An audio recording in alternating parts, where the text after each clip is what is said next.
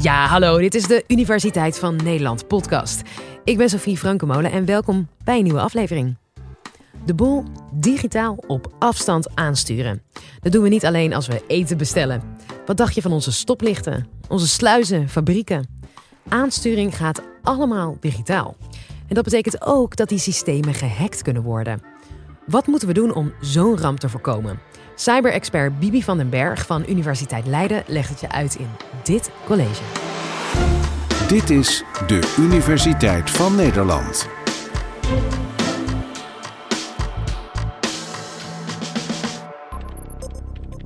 Onlangs werd de grootste nachtmerrie van de gemiddelde Nederlander werkelijkheid. De Albert Heijn kwam zonder kaas te zitten. Een van de logistieke bedrijven die de supermarktketen bevoorraadt, was slachtoffer geworden van gijzelsoftware. Het gevolg? Orders van de supermarktketen konden niet meer worden ontvangen of verwerkt en vrachtwagens wisten niet meer naar welke Albert Heijn ze moesten rijden.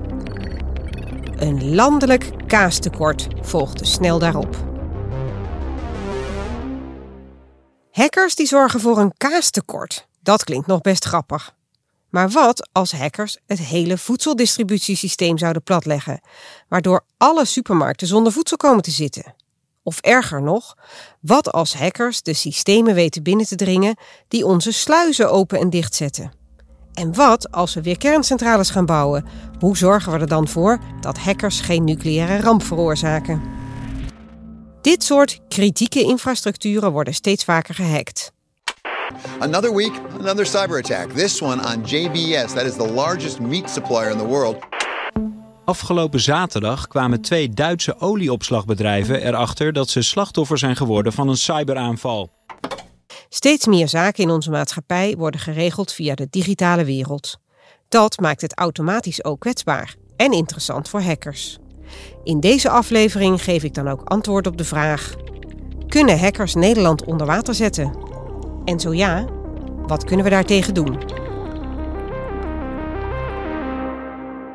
De term kritieke infrastructuren klinkt misschien een beetje vaag. Dus laat ik dat eerst eens wat verder uitleggen.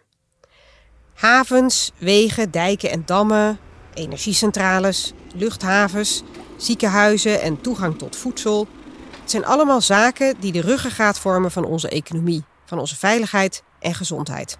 We kunnen niet zonder.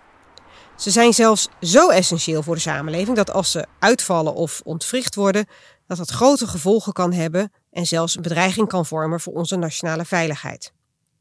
Nou zijn er twee manieren waarop deze kritieke infrastructuren in de problemen kunnen komen. Ten eerste kunnen hackers direct de systemen van deze infrastructuren aanvallen. Ze kunnen informatie in die systemen aanpassen, zodat er andere dingen gebeuren dan dat de bedoeling zijn. Bijvoorbeeld dat er allemaal rode kruisen boven de weg verschijnen in de ochtendspits, terwijl er eigenlijk niks aan de hand is, met file tot gevolg. Of dat alle computersystemen van een groot containeroverslagbedrijf op slot gaan, zodat er geen schepen meer kunnen worden geladen en gelost, geen vrachtwagens met containers meer kunnen worden ontvangen en er een flinke logistieke puzzel ontstaat. Daarnaast kunnen hackers systemen uitschakelen. Een goed voorbeeld daarvan is de Russische hack van Oekraïnse elektriciteitscentrales. In 2015, toen het vorige conflict tussen Rusland en Oekraïne in volle gang was, voerden Russische hackers een cyberaanval uit op die elektriciteitscentrales, waardoor er 230.000 huishoudens zes uur zonder stroom kwamen te zitten. Last weekend, parts of the Ukrainian capital, Kiev, went dark. Russia appears to have figured out how to crash a power grid with a click. Oekraïne was toen al extra kwetsbaar, want de centrales waren gebouwd toen het nog een deel was van de Sovjet-Unie, waardoor er nog veel kennis in Rusland was over hoe die centrales werkten. Maar waarom doet Rusland dan dit soort dingen? Veel landen in de wereld, waaronder Rusland, denken sinds een aantal jaren na over het ontwikkelen en inzetten van wat we noemen cyberwapens, van digitale middelen waarmee je andere landen kunt aanvallen. Het digitaal saboteren van kritieke infrastructuur is daar een goed voorbeeld van. In dit geval gebruikt Rusland het doorlopende conflict met Oekraïne als een soort testcase om digitale sabotagemiddelen in te zetten naast conventionele oorlogsvoering. En we gaan in de toekomst steeds vaker zien dat oorlogen niet meer alleen in de fysieke werkelijkheid worden gevoerd, maar ook met digitale middelen. En dan is kritieke infrastructuur hacken een cruciaal wapen in het voeren van de oorlog. Dit soort oorlogvoering vergiet niet direct bloed, zoals bommen en kogels dat wel doen, maar indirect kan het wel echt slachtoffers maken. Nou, we zagen dus dat manier 1 het hacken van systemen zelf is. Een tweede strategie is dat hackers kritieke infrastructuren platleggen door de leveranciers, waar deze infrastructuren van afhankelijk zijn, te hacken. Een goed voorbeeld daarvan is het kaastekort aan het begin van deze aflevering. Dus een voedselleverancier van de Albert Heijn werd gehackt en daardoor had de supermarkt geen kaas meer. Wat nou als meerdere leveranciers worden gehackt? Of als de systemen van boeren niet meer werken? Dan kunnen wij dus zomaar zonder eten komen te zitten. Een ander voorbeeld betreft een bedrijf dat halfgeleiders maakt in Taiwan. Voor chips die onder andere gebruikt worden in de iPhones van Apple. De systemen van dit bedrijf werden besmet met malware, waardoor de productie tijdelijk stil kwam te liggen. Nou, Zo'n fabriek zelf past eigenlijk niet direct in het rijtje kritieke infrastructuren. Maar deze fabriek levert een essentieel onderdeel voor heel veel belangrijke producten in ons leven. Van telefoons en auto's, vliegtuigen en computers tot ziekenhuisapparatuur of verkeerslichten. Of eigenlijk alle andere apparaten en systemen die je maar om je heen ziet. En dus kan een incident bij zo'n bedrijf toch een enorm grote impact hebben op onze levens, zelfs als het probleem helemaal aan de andere kant van de wereld optreedt. Echt grote dingen hebben we gelukkig nog niet meegemaakt. Maar de vraag is niet of er een grote hack gaat plaatsvinden, maar wanneer. Met deze voorbeelden heb ik je laten zien dat echt ontzettend veel in onze maatschappij aan het internet hangt en dat is kwetsbaar. We zijn eraan gewend geraakt om alles in de digitale wereld te doen. Dat is eigenlijk vanzelfsprekend geworden. Maar de digitale wereld heeft kwetsbare plekken. En om ervoor te zorgen dat we vanzelfsprekend gebruik kunnen blijven maken van digitale technologieën, moeten we dus investeren in digitale veiligheid. Aanvallers hoeven maar ergens een klein gaatje te vinden in de verdediging en kunnen daarmee al ontzettend veel schade aanrichten. De verdediging moet dus ontzettend sterk zijn. En ik ga je nu vertellen hoe we dat voor elkaar krijgen. Om te beginnen. Een hack 100% voorkomen is helaas niet realistisch. Maar we kunnen het hackers wel zo moeilijk mogelijk maken. Ik bespreek twee manieren om dit te doen. Ten eerste de digitale weerbaarheid verhogen en ten tweede betere opsporing en handhaving. De eerste. Digitale weerbaarheid. Waar gaat dat over? We moeten de verdediging van onze systemen op alle mogelijke vlakken zo sterk mogelijk maken. Bij digitale veiligheid denken mensen meestal meteen aan technische oplossingen. Als we kwetsbaarheden opsporen en die dan afdekken, dan is het probleem verholpen. Toch? Nou, niet helemaal. Daarmee zijn we er nog niet. Het is ook belangrijk dat mensen technologie op een veilige manier gebruiken. En dat er wet en regelgeving is die bijvoorbeeld eisen stelt aan productveiligheid en die zorgt voor de bescherming van onze privacy. Daarnaast is het belangrijk dat organisaties investeren in hun eigen digitale veiligheid. Om de digitale weerbaarheid te verhogen zijn er dus heel veel verschillende strategieën en maatregelen tegelijk nodig.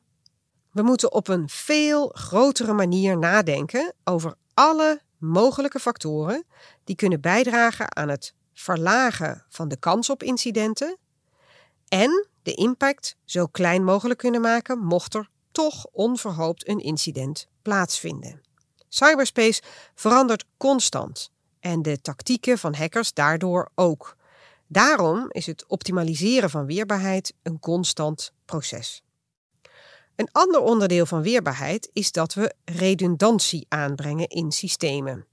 En met redundantie bedoel ik dat als een belangrijk systeem uitvalt, een ander systeem als backup gebruikt kan worden om taken en diensten over te nemen. Stel dat het mobiele netwerk grootschalig zou uitvallen. Dan is het toch wel fijn dat we nog koperen telefoonlijnen in de grond hebben liggen, zodat we toch nog met elkaar kunnen bellen. Of denk aan de mogelijkheid om een elektriciteitscentrale niet alleen digitaal, maar ook handmatig te kunnen bedienen. Dat laatste was gelukkig het geval in Oekraïne in 2015. Daar kon men toen iemand op pad sturen om een schakeling om te zetten en de elektriciteit weer werkend te krijgen. In Nederland hebben we er in de afgelopen jaren niet altijd voldoende voor gekozen om redundante systemen aan te leggen of te behouden. Dat is namelijk best wel duur. En dat is eigenlijk een beetje alsof je het licht in je huis alleen maar kunt regelen met je mobiel. Dat werkt prima, totdat je je mobiel kwijtraakt of deze gestolen wordt. Dan is een lichtschakelaar ergens in je huis toch ineens best wel handig.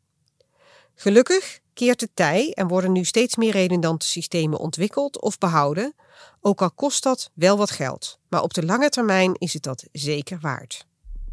Oké, de eerste oplossingsrichting ging dus over het verhogen van onze weerbaarheid voor het geval er incidenten plaatsvinden.